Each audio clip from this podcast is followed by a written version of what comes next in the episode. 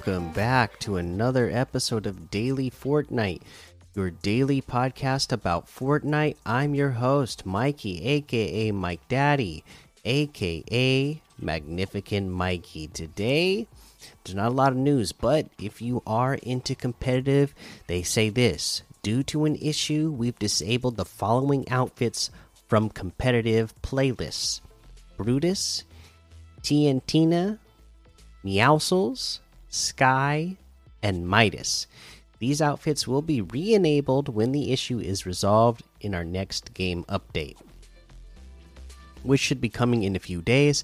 I didn't actually see what's going on with these outfits. Uh, they're all obviously all from the same season pass, so they must have something related to them, uh, why they're all messed up. But uh, yeah, the, something's wrong with them, so they're not in here for now. For competitive playlists, again, just only competitive. You won't be able to use them in competitive for the next uh, couple of days. So just be aware of, of, that. Other than that, there's not a lot of news going on today, so we can head on over and look at some LTMs that we have to play this weekend. Like, um, let's see, free build and fight with mythics. Gingerbread versus Snowmen. We have Boogie Zombies. Fortnite Zombie Island Season 16. Mm, let's see. What else have we not seen recently? 250 levels Death Run. Extreme Raptor Hunting Expedition. Kong Death Run 350 levels. 200 level default Death Run. Sunrise City Horde Expedition survival XP, 100 ports, 100 doors, part 1, default slide death run, 60 levels default death run, never die, the 29 rooms, Exo Knight 2, Glacier Horde Survival XP, Zoo Gun Game, a new year update, and a whole lot more to be discovered in that Discover tab. Uh, if we go ahead and take a, uh, some of our uh, weekly challenges, damage an opponent within 45 seconds of crouching in tall grass. Now, to me, uh, again, there's a lot of tall grass on the south side of Daily Bugle, and uh, I feel like Daily Bugle is such a busy place right now for this season because you know there's so many uh, mythic web shooters to get out of there. So I would just uh, crouch in some tall grass there real quick, and then uh, look for one of however many uh, dozen or a couple of dozen people that might be in there, uh, depending on the the bus path. So uh, that I would go somewhere uh, along there to get that challenge done. Okay, let's see here. Let's head on over to the item shop and see what we have in the item shop today. Uh, today we have the OG uh, Fortnite skins in the item shop. You can get all those different character models for 800 V bucks each. They have the OG glider in here as well for 500 V bucks. We have a couple of bundles. So you have the Royale Originals bundle, which is 2000, and the Battle Classics, which is 2000 as well. Both of those are 1200 each. Uh, and then we have the Sunflower outfit today for 800 the survival specialist outfit for 1200 the team burger emote for 100 the team tomato emote for 100 the infectious emote for 500 the revel emote for 200 uh, we have the blaze outfit with the fire starter backbling for 1500 the pepper thorn outfit with the hard to well, hard case hero back bling for 1200 the orbital abductor harvesting tool for 1000 the Orin outfit with the mecha fusion jump kit back bling for 1200 the null pick harvesting tool for 800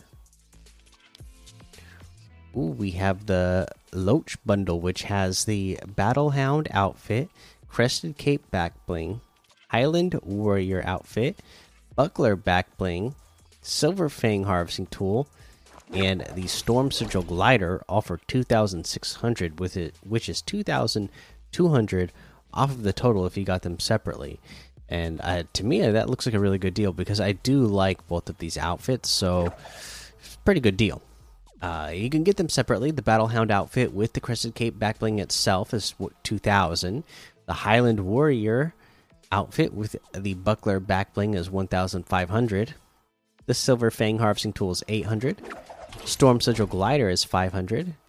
And that looks like everything today. You can get any and all of these items using code Mikey, M M M I K I E, in the item shop, and some of the proceeds will go to help support the show.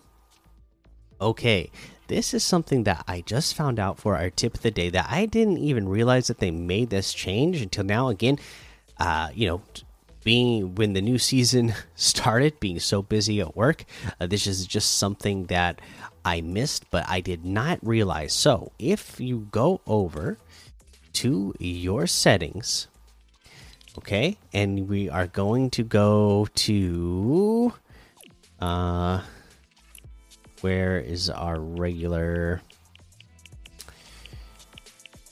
No it's going to be it should be in the audio actually. So if we go to audio and go to 3d headphones you can have that on. I should have on. I don't know why it was turned off in the first place. That's interesting. Um, but the visualize sound effects okay? You can turn that on as well. And the 3d headphones is going to stay on.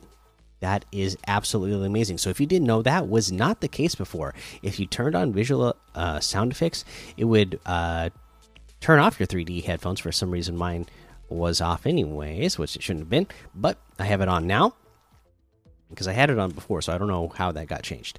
Anyways, the 3D headphones, uh, you you want that on first of all, and, and visual sound effects. Some people like it, uh, but I never liked it because uh, if you turned on the visual sound effects, you lost the 3D headphones. Okay?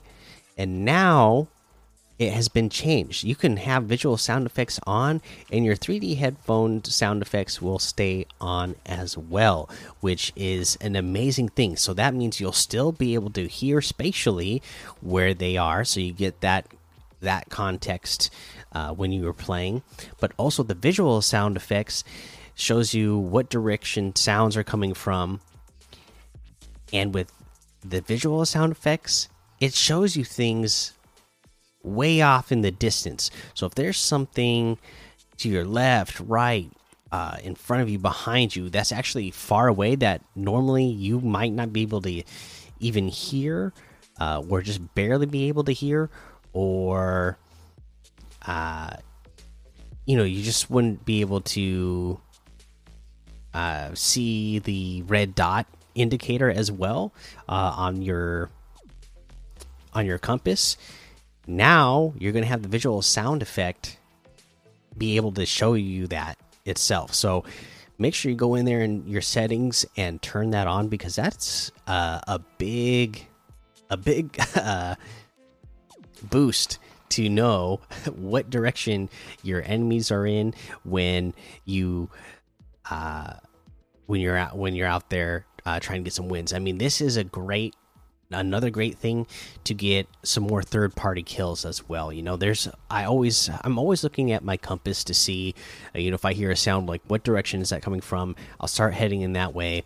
That way if there's you know two people fighting, I can get in there, get third party, and maybe get a couple easy eliminations.